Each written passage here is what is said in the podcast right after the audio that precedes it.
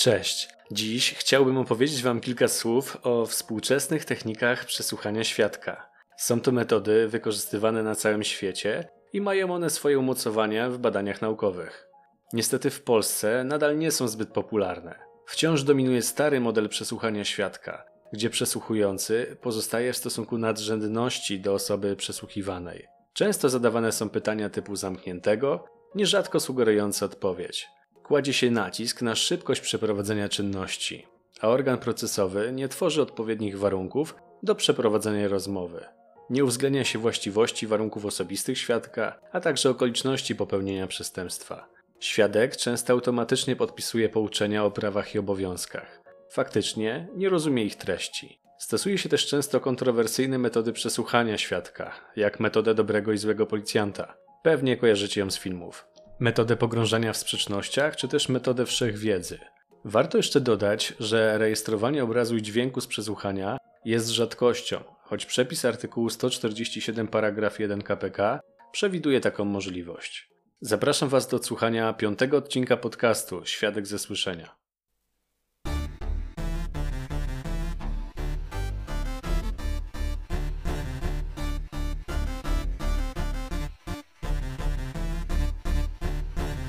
Cześć, z tej strony Piotr Miszta. Witaj na moim podcaście Świadek ze słyszenia, czyli subiektywnie o procesie karnym i to do granic możliwości.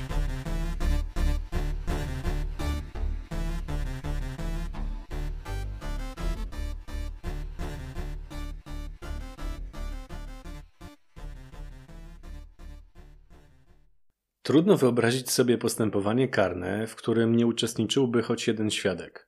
Zeznanie jest zatem najbardziej typowym środkiem dowodowym występującym w procesie karnym. Świadek występuje niejako w dwóch znaczeniach. Po pierwsze, jako osoba, która ma pewną wiedzę na temat określonego zdarzenia, jak i w ujęciu procesowym, czyli jako tak zwane osobowe źródło dowodowe. Warto podkreślić, że nie każda osoba, która była bezpośrednim świadkiem przestępstwa, tak zwany świadek naoczny, czy też pozyskała wiedzę na temat zdarzenia od innej osoby, tak zwany świadek ze słyszenia, stanie się potem świadkiem w znaczeniu procesowym. Może to wynikać z wielu różnych przyczyn. Organ procesowy może nie uzyskać wiedzy o istnieniu takiego świadka. Świadek też może być niedostępny, np. z uwagi na stan zdrowia, chorobę terminalną czy też śmierć. Ewentualnie może wyjechać za granicę, czy też w ogóle brak jest możliwości ustalenia jego danych adresowych w Polsce.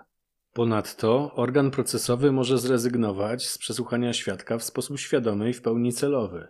Stosownie do artykułu 315a Kodeksu Postępowania Karnego, od przesłuchania pokrzywdzonego w charakterze świadka można odstąpić, jeżeli czynność ta nie jest niezbędna do dokonania ustaleń faktycznych. Pokrzywdzony, który nie był przesłuchany w charakterze świadka, powinien zostać jednak przesłuchany, jeżeli tego żąda, chyba że uwzględnienie żądania prowadziłoby do przewlekłości postępowania. Przed wejściem w życie tego przepisu istniał zatem swoisty obowiązek przesłuchania w charakterze świadka każdego pokrzywdzonego.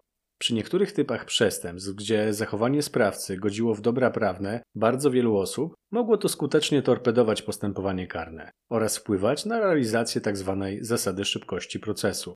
Pokrzywdzony może zatem wnioskować o przeprowadzenie takiego przesłuchania a jego oświadczenie jest zasadniczo wiążące. Przepis mówi o odmowie zadośćuczynieniu temu żądaniu, gdyby mogło to spowodować przewlekłość postępowania. Wniosek pokrzywdzonego w tym wypadku jest niczym innym jak złożeniem wniosku dowodowego. Wobec powyższego można go oddalić także na podstawach, o których mowa w artykule 170 paragraf 1 Kodeksu Postępowania Karnego. Świadek, w przeciwieństwie do oskarżonego czy też podejrzanego, nie składa wyjaśnień, ale zawsze zeznania. Zeznawanie nieprawdy lub zatajenie prawdy w postępowaniu sądowym lub w innym postępowaniu prowadzonym na podstawie ustawy wiąże się z odpowiedzialnością karną.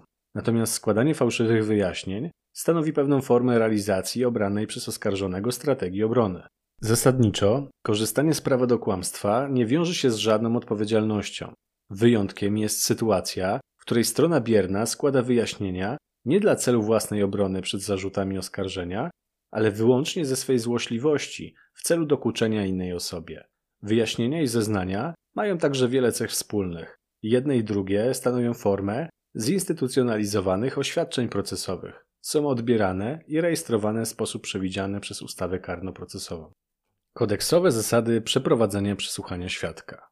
Najczęściej przesłuchanie dzieli się na cztery etapy: czynności wstępne, swobodną wypowiedź, fazę pytań szczegółowych oraz zakończenie. Faza wstępna to przywitanie się ze świadkiem, poinformowanie o celu podejmowanych czynności. Wskazanym jest uściśnięcie dłoni osoby przesłuchiwanej. Nie jest to wyłącznie przejaw dobrego zachowania, ale także jest to forma budowania odpowiedniej relacji ze świadkiem od samego początku. Jest to czas na poznanie tzw. Tak indywidualnej normy zachowania osoby przesłuchiwanej. Warto w tym miejscu obserwować zachowanie świadka. Nie tylko co mówi, ale także jak mówi. Mowa ciała jest bowiem ważną informacją dla przesłuchującego. Zgodnie z artykułem 190 paragraf 1 Kodeksu Postępowania Karnego, przed rozpoczęciem przesłuchania należy uprzedzić świadka o odpowiedzialności karnej za zeznanie nieprawdy lub zatajenie prawdy. W postępowaniu przygotowawczym świadek podpisuje oświadczenie, że został uprzedzony o tej odpowiedzialności. Obraza artykułu 190 paragraf 1 może być uznana za mogącą mieć wpływ na treść orzeczenia. Fakt niepouczenia odpowiedzialności karnej należy bowiem bezwzględnie brać pod uwagę przy ocenie wiarygodności zeznań świadka. Wynikająca z braku pouczenia bezkarność za składanie fałszywych zeznań może wszak skłaniać do świadomego mijania się z prawdą lub choćby tylko rozluźniać dyscyplinę myślową i dyscyplinę słowa podczas składania przez świadka zeznań. Rozpoczęcie przesłuchania ma miejsce z chwilą zapytania świadka o imię i nazwisko, wiek, zajęcie, karalność za fałszywe zeznanie lub oskarżenie oraz stosunek do stron. To wynika z artykułu 191 paragraf 1 KPK. Miejsce zamieszkania świadka ustala się na podstawie dokumentu tożsamości lub pisemnego oświadczenia świadka. Warto w tym miejscu podkreślić, że aby uniknąć swoistego konfliktu sumienia, świadek może odmówić zwolnienia zeznań, gdy jest osobą najbliższą dla oskarżonego, jak również zwrócić się do organu procesowego o zwolnienie z obowiązku zeznawania, gdy łączy go z oskarżonym szczególnie bliski stosunek osobisty. W tym pierwszym wypadku zwolnienie następuje pod warunkiem, że dana osoba należy do katalogu podmiotów wskazanych w artykule 115 paragraf 11 kodeksu karnego. Osobą najbliższą jest małżonek, wstępny, zstępny, rodzeństwo powinowate w tej samej linii lub stopniu, osoba pozostająca w stosunku przysposobienia oraz jej małżonek, a także osoba pozostająca we wspólnym pożyciu. Do powyższego katalogu zalicza się także osoby pozostające w konkubinacie. Przez konkubinat należy rozumieć faktyczny związek dwojga osób, niezależnie od płci oraz wieku, jeżeli osoby te łączą więzi duchowe, fizyczne oraz ekonomiczne. Prawo do odmowy zeznań przysługuje także świadkowi, który w innej toczącej się sprawie jest oskarżony o współudział w przestępstwie objętym postępowaniem. Prawo odmowy zeznań przysługuje także małoletniemu. W drugim układzie zwolnienie zależy od władzy uznaniowej organu procesowego. Szczególnie bliski stosunek osobisty to istotna relacja uczuciowa lub emocjonalna między przesłuchiwanym a oskarżonym. Do tego katalogu można zaliczyć osoby, które w przeszłości pozostawały w konkubinacie z oskarżonym, osoby, które mają wspólne małoletnie dzieci, osoby, których łączy przyjaźń, koleżeństwo, a nawet narzeczeństwo. Osoba uprawniona do odmowy złożenia zeznań albo zwolniona na podstawie artykułu 185 KPK może oświadczyć, że chce z tego prawa skorzystać. Musi to zrobić jednak nie później niż przed rozpoczęciem pierwszego zeznania w postępowaniu sądowym. W takim wypadku poprzednio złożone zeznanie tej osoby nie tylko nie może służyć jako dowód, ale także nie może być odtworzone. Wynika to z treści artykułu 186 paragraf 1 Kodeksu Postępowania Karnego. Przesłuchanie sensu stricto składa się z dwóch zasadniczych faz: fazy swobodnej wypowiedzi oraz fazy zadawania pytań. Pytania mają na celu uzupełnienie wypowiedzi, wyjaśnienie wypowiedzi, a także kontrolę wypowiedzi. Kto może zadawać pytania?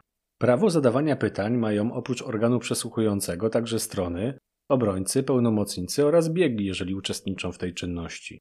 Pytania zadaje się osobie przesłuchiwanej bezpośrednio, chyba że organ przesłuchujący zarządzi inaczej. Jak sądzisz, jakich pytań nie wolno zadawać?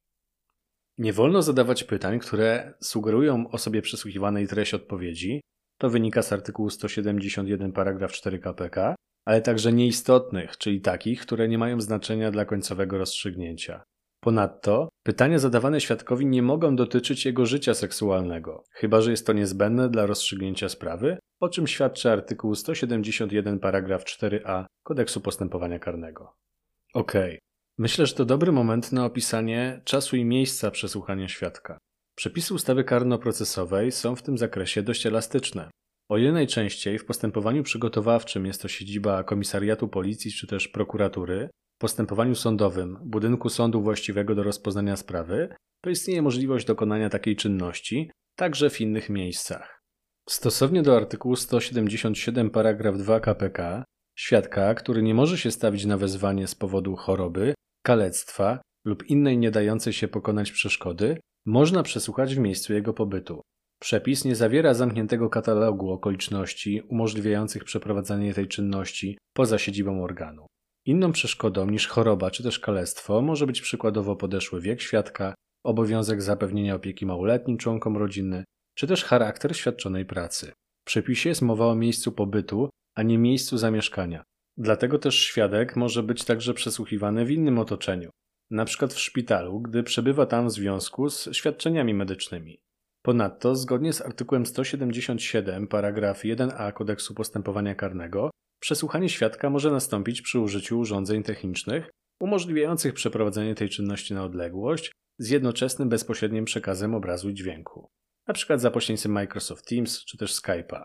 Tryb ten ma zastosowanie również do świadka, który przebywa za granicą, o czym świadczy treść artykułu 177 paragraf 1b punkt 2 KPK.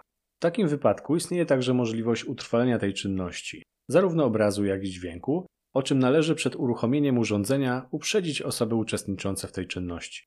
Wynika to z artykułu 147 paragraf 1 KPK. Obowiązujące przepisy ustawy karno-procesowej nie przewidują w jakim czasie ma odbyć się przesłuchanie świadka. Przykładowo, przeszukanie zamieszkałych pomieszczeń zasadniczo powinno odbywać się w ciągu dnia. Tej czynności można dokonać w porze nocnej, ale tylko w wypadkach niecierpiących zwłoki.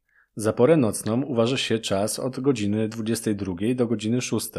Przeszukanie rozpoczęte za dnia można prowadzić nadal mimo nastania pory nocnej. To wynika z artykułu 221 paragraf 2 Kodeksu Postępowania Karnego. Formalnie nie ma zatem przeszkód, aby świadek został przesłuchany także w godzinach nocnych czy też wczesno porannych. Wydaje się jednak, że o ile nie zachodzi potrzeba natychmiastowego przeprowadzenia takiej czynności procesowej, przesłuchanie powinno mieć miejsce w takim terminie, aby świadek posiadał odpowiedni komfort zeznawania. Dobry stan psychofizyczny świadka niewątpliwie wpływa także na jego zdolność postrzegania i odtwarzania spostrzeżeń. Techniki przesłuchania świadka w procesie karnym. Obszerność depozycji złożonych przez świadka zależy w istocie od wielu czynników: właściwości warunków osobistych osoby przesłuchiwanej, jej interesów prawnych, a także faktycznych, a także stopnia zaangażowania oraz dociekliwości przesłuchującego. Świadek może, ale nie musi mieć interesu w tym, aby złożyć oświadczenia procesowe zgodne z prawdą. Pokrzywdzony, który jest przesłuchany w tym charakterze, będzie najczęściej żywotnie zainteresowany przekazaniem informacji niezbędnych do wykrycia, ustalenia sprawcy, a także przekazaniem tego rodzaju danych, które pozwolą w przyszłości na pociągnięcie go do odpowiedzialności karnej. Niekiedy jednak charakter popełnionego przestępstwa prowadzi do swoistej blokady po stronie pokrzywdzonego w związku z jego traumatycznymi przeżyciami.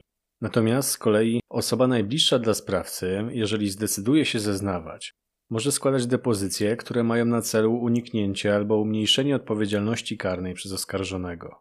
Przesłuchujący powinien zatem w sposób odpowiednio przygotować się do przeprowadzenia czynności procesowej. Nie chodzi tu jedynie o dogłębne zapoznanie się z materiałem dowodowym, ale także, o ile to możliwe, uzyskanie choć wstępnych informacji na temat osoby przesłuchiwanej. Analiza akt powinna być wnikliwa i rzetelna. Pozwala to na odpowiednie przygotowanie pytań, a także na kontrolę wypowiedzi osoby przesłuchiwanej pod kątem zgodności składanych depozycji z aktualną wiedzą przesłuchującego na temat sprawy. W praktyce trudno nie poddać się tzw. Tak sugestii. Zapoznanie się z materiałem dowodowym powoduje tzw. Tak efekt przeniesienia. Analiza akt sprawy prowadzi do wytworzenia określonej wizji zdarzenia. Przesłuchujący projektuje nie tylko status poszczególnych uczestników, ale także ich rolę, co może prowadzić do przyjęcia z góry określonej postawy przez przesłuchującego. Tymczasem przesłuchujący powinien mieć otwarty umysł. Nie może być nakierowany na jeden możliwy scenariusz. Musi rozważać wszystkie możliwe warianty inkryminowanego zdarzenia. Przyjęcie jednej możliwej, na pewno prawdziwej wersji zdarzenia powoduje, że organy ścigania gromadzą dowody pod z góry ustaloną tezę. Otwarta głowa pozwala zaś na przeprowadzenie wszechstronnej inicjatywy dowodowej, co wpływa na ilość zebranych faktów w prowadzonym postępowaniu, a także na ich jakość procesową. Innymi słowy, pozyskanie jak największej liczby informacji kluczowych dla rozstrzygnięcia w przedmiocie odpowiedzialności karnej oskarżonego warunkowane jest także czynnikami niezwiązanymi bezpośrednio z osobą świadka. Ważne jest także doświadczenie życiowe i zawodowe osoby przesłuchującej oraz jej odpowiednie nastawienie do sprawy. Tradycyjne metody przesłuchania mogą prowadzić do uzyskania niepełnych albo zniekształconych informacji, co ostatecznie może rzutować na końcowy wynik postępowania. Dlatego też w kryminalistyce poświęca się dużo miejsca na opracowanie tzw. Tak technik przesłuchania, których celem nadrzędnym jest uzyskanie od osoby przesłuchiwanej informacji, które przyczynią się do poczynienia prawdziwych ustaleń faktycznych. Wywiad poznawczy Cognitive Interrogation Metoda ta jest skuteczna w stosunku do świadków o odpowiednim nastawieniu do przesłuchania. Chodzi o takie osoby, których intencją jest lojalna współpraca z organami ścigania.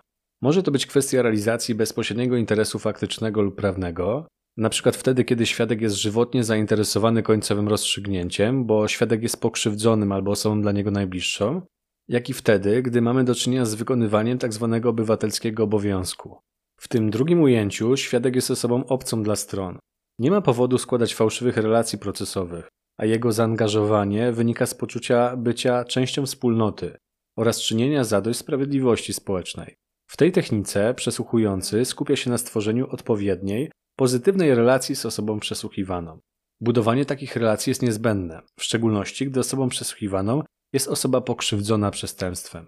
Chodzi zatem o stworzenie takich warunków przesłuchania, aby zapewnić odpowiedni komfort wypowiadania się przez świadka.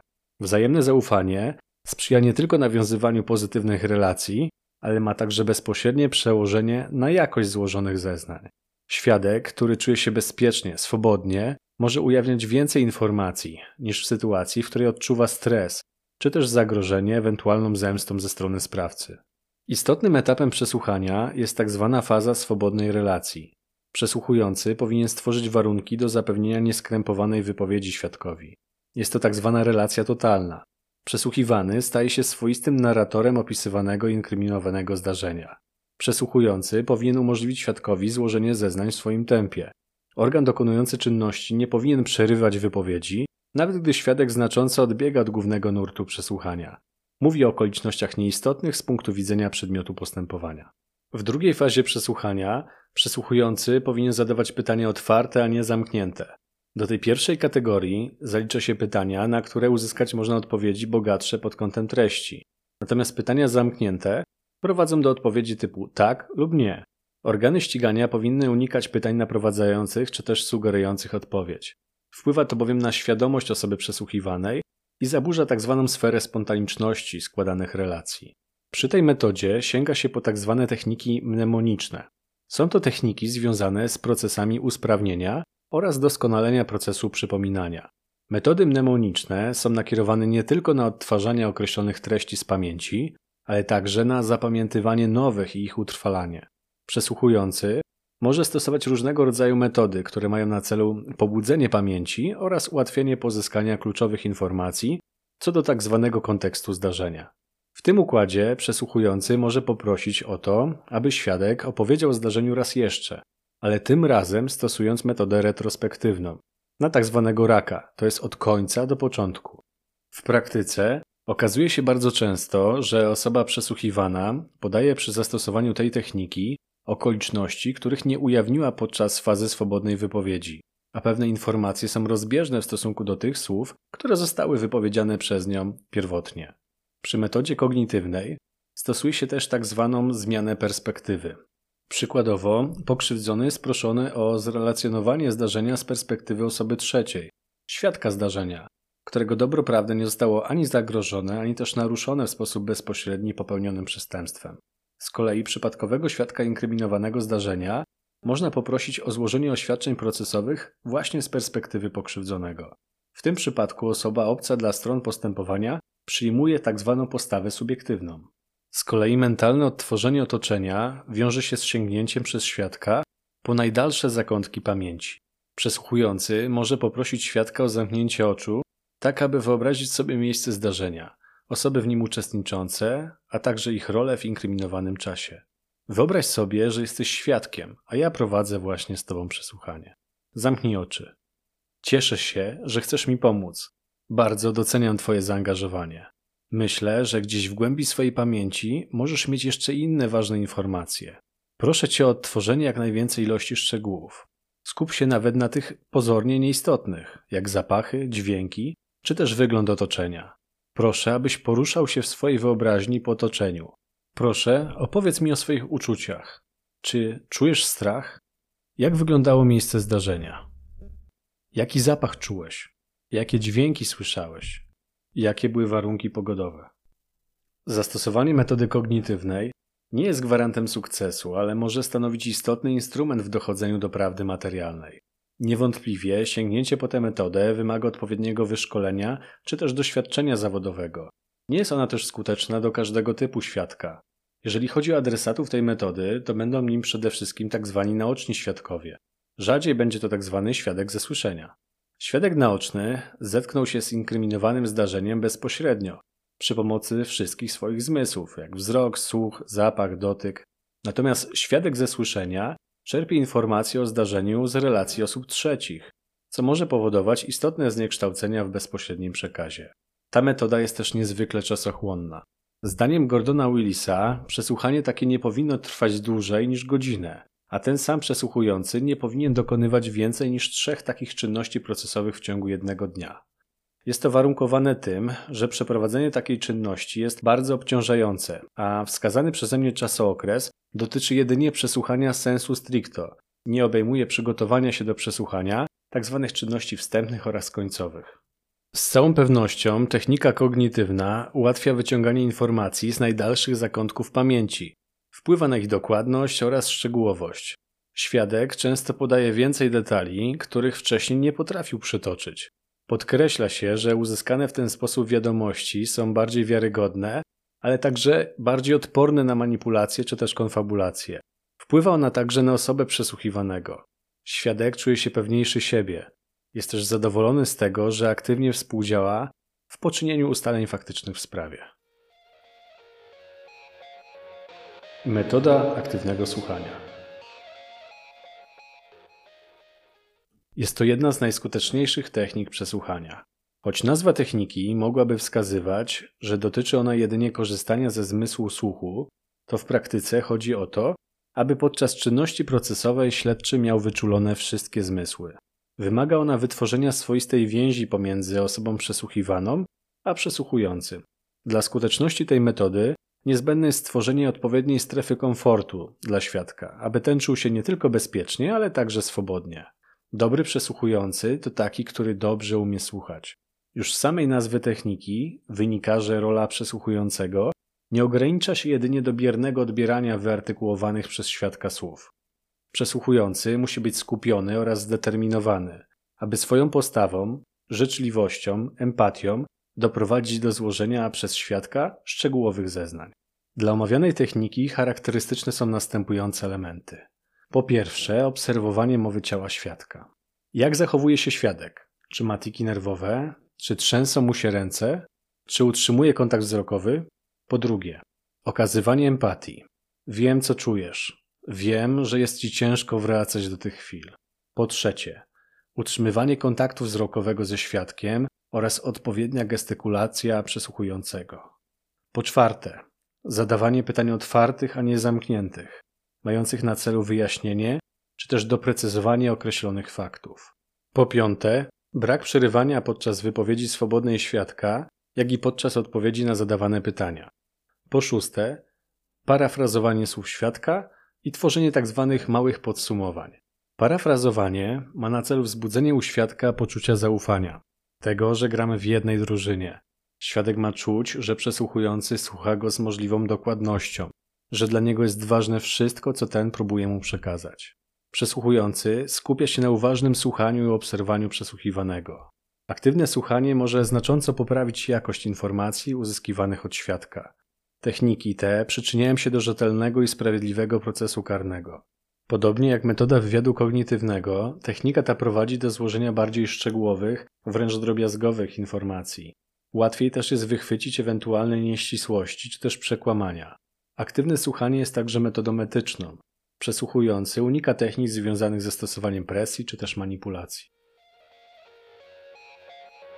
Metoda wszechwiedzy.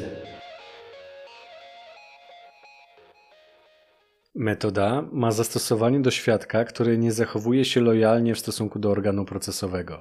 Prezentuje, że nie ma wiedzy na temat zdarzenia, podczas gdy inne dowody wskazują na fakt temu przeciwny, albo gdy świadek dozuje przekazywane informacje, a okoliczności wskazują, że ma on zdecydowanie szerszą wiedzę w tym zakresie. Jej istota polega na stworzeniu określonego wrażenia u świadka, że przesłuchujący posiada bardzo dużą wiedzę na temat jego osoby oraz jego roli w inkryminowanym zdarzeniu. Kluczowym słowem jest wrażenie. Nie chodzi tu zatem o to, że przesłuchujący posiada rozbudowane informacje i faktycznie wie wszystko na temat czasu, miejsca, okoliczności popełnionego przestępstwa. Jest to pewna łuda, pewna fikcja. Przesłuchujący, sięgający po tę technikę, może wskazywać na pewne elementy, na pewne okoliczności, które wynikają z materiału dowodowego, po to, aby uwiarygodnić się w oczach świadka i wzbudzić w nim przekonanie, że składanie fałszywych zeznań jest nieopłacalne z punktu widzenia procesowego. Metoda ta zakłada odpowiednią presję na świadka, aby ten złożył zeznania w celu uniknięcia swoistej konfrontacji z rzekomą wiedzą przesłuchującego. Metoda wszechwiedzy może być uznana za nieetyczną, w szczególności gdy dla potwierdzenia określonej hipotezy śledczej przesłuchujący przytacza okoliczności, które nie podlegają weryfikacji według kryterium prawdy i fałszu na obecnym etapie postępowania. Metoda ta jest najbardziej skuteczna wtedy, gdy wiedza o interesujących zdarzeniach jest na tyle duża, że przesłuchujący będzie w stanie przekonać świadka, że ten wie już wystarczająco, nawet bez jego zeznań będzie w stanie podciągnąć sprawcę do odpowiedzialności karnej. Metoda ta może, ale nie musi prowadzić do poczynienia prawdziwych ustaleń faktycznych.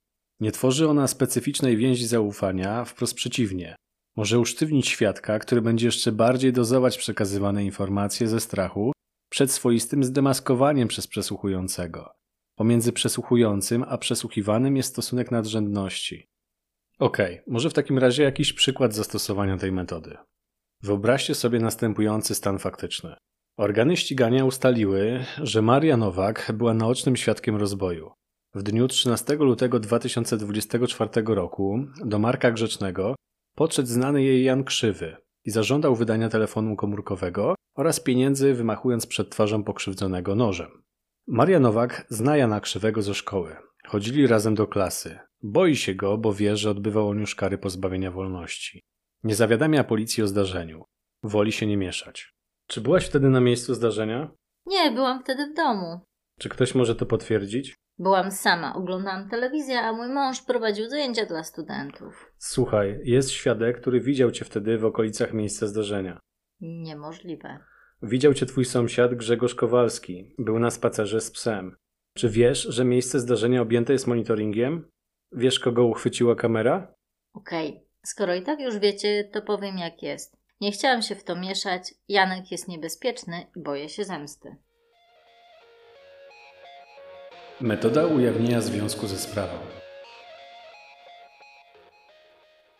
Metoda ta jest skuteczna w stosunku do świadka, który zasłania się niepamięcią, albo gdy wskazuje, że nie był w ogóle świadkiem zdarzenia, podczas gdy fakty wskazują na sytuację temu przeciwną.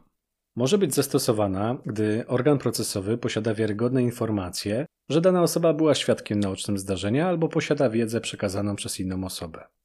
Jak sądzicie, czemu świadkowie wprowadzają organy procesowe w błąd? Jest to tak zwany temat rzeka. Moglibyśmy poświęcić na to spokojnie kolejny odcinek podcastu. Robią to z różnych powodów: dla chronienia sprawcy, z obawy przed zemstą z jego strony, a także w celu tak zwanego świętego spokoju. W przypadku złożenia zeznań cennych z punktu widzenia organu procesowego, osoba będzie jeszcze wzywana w charakterze świadka w dalszym toku postępowania karnego, co wiąże się dla niej z kosztami fiskalnymi, jak i pozafiskalnymi. Do pierwszej kategorii należą koszty utraconego zarobku, koszty dojazdu do miejsca przesłuchania, natomiast do drugiej przede wszystkim poświęcony czas, ale także stres związany z samym przesłuchaniem. Organ procesowy może jednak wymusić złożenie zeznań poprzez odwołanie się do tzw. Tak społecznego obowiązku, według zasady, że każdy ma obowiązek złożenia zeznań. Jeśli to nie jest skuteczne, warto odwołać się do przepisów, które tworzą tzw. Tak system ochrony świadka. Dopiero w ostatniej kolejności przesłuchujący powinien pouczyć, że bezpodstawne uchylanie się od złożenia zeznań grozi po pierwsze Odpowiedzialnością karną za zatajenie prawdy, co wynika z artykułu 233 paragraf 1 kodeksu karnego, jak i też po drugie nałożeniem kary porządkowej pieniężnej do 3000 zł, co wynika z artykułu 285 paragraf 1 KPK, a w przypadku uporczywego uchylania się od tego obowiązku nawet karą aresztu do 30 dni. Na koniec chciałbym jeszcze odpowiedzieć na następujące pytanie. Czy stosowanie technik przesłuchania jest dopuszczalne w znaczeniu procesowym? Stosownie do artykułu 171 paragraf 5 punkt 1 i 2 KPK niedopuszczalne jest wpływanie na wypowiedzi osoby przesłuchiwanej za pomocą przymusu lub groźby bezprawnej, a także stosowanie hipnozy albo środków chemicznych, np. narkoanalizy, lub technicznych, wariografu, poligrafu, wpływających na procesy psychiczne osoby przesłuchiwanej albo mających na celu kontrolę nieświadomych reakcji jej organizmu w związku z przesłuchaniem. Wyjaśnienia, zeznania oraz oświadczenia złożone w warunkach wyłączających swobodę wypowiedzi lub uzyskane wbrew zakazom nie mogą stanowić dowodu. W mojej ocenie zaprezentowane przeze mnie techniki kognitywne czy też aktywnego przesłuchania nie wpływają w żaden sposób na swobodę wypowiedzi świadka. Wręcz przeciwnie, metody te wiążą się ze stworzeniem komfortowych warunków składania zeznań. Budowanie relacji wzajemnego zaufania sprzyja składaniu szczegółowych zeznań, co może przekładać się na ustalenie prawdziwych ustaleń faktycznych. Przy omawianych metodach istotne są takie czynniki jak odpowiednia intonacja głosu przesłuchującego, jego mowa ciała, a także to, jakich słów używa gospodarz przesłuchania. Styl wypowiedzi, słownictwo powinno być dostosowane do osoby przesłuchiwanej. Jeżeli świadek jest osobą niewykształconą, nie można posługiwać się wyszukanym słownictwem, wtrącać wyrazy obcojęzyczne, np. po łacinie, typu a fortiori, a maiori, ad minus, a minori, ad maius. Techniki mnemoniczne pozwalają także na odkopanie informacji, które na pierwszy rzut oka są niedostępne. Gudjonson i McCade opracowali tzw. Tak teorię zespołu nieufności do pamięci. Jest to stan, w którym przesłuchiwany rozwija głęboką nieufność do swoich wspomnień. Może to być wywołane właściwościami, warunkami osoby przesłuchiwanej, np. nadużywaniem przez nią alkoholu czy też środków odurzających, ale także podeszłym wiekiem lub złym stanem zdrowia, jak też przyczynami zewnętrznymi, np. tendencyjnym przesłuchaniem, zadawaniem pytań sugerujących odpowiedź, czy stosowaniem technik manipulacyjnych przez organy ścigania. Taka nieufność może wiązać się z dawkowaniem przekazywanych informacji, czy też przekazywaniem fałszywych lub co najmniej zniekształconych informacji. Pozostałe omówione przeze mnie metody, wszechwiedzy czy też ujawnienia związku ze sprawą mogą skutkować uzyskaniem zeznań wbrew obowiązującym standardom. Nie da się jednak wykluczyć, że ich użycie w odpowiednich rękach nie naruszy zasady swobody wypowiedzi świadka, a zeznania będą prawnie dopuszczalne. Na dziś to już koniec. Mam nadzieję, że zaciekawiłem Was tematyką. Nie ukrywam, że w kolejnym odcinku chciałbym pozostać w temacie. Będzie to jednak zupełnie nowa perspektywa. Chciałem też podziękować mojej żonie, że dała się namówić i wystąpiła w tym odcinku. Do zobaczenia za dwa tygodnie. Świadek ze słyszenia.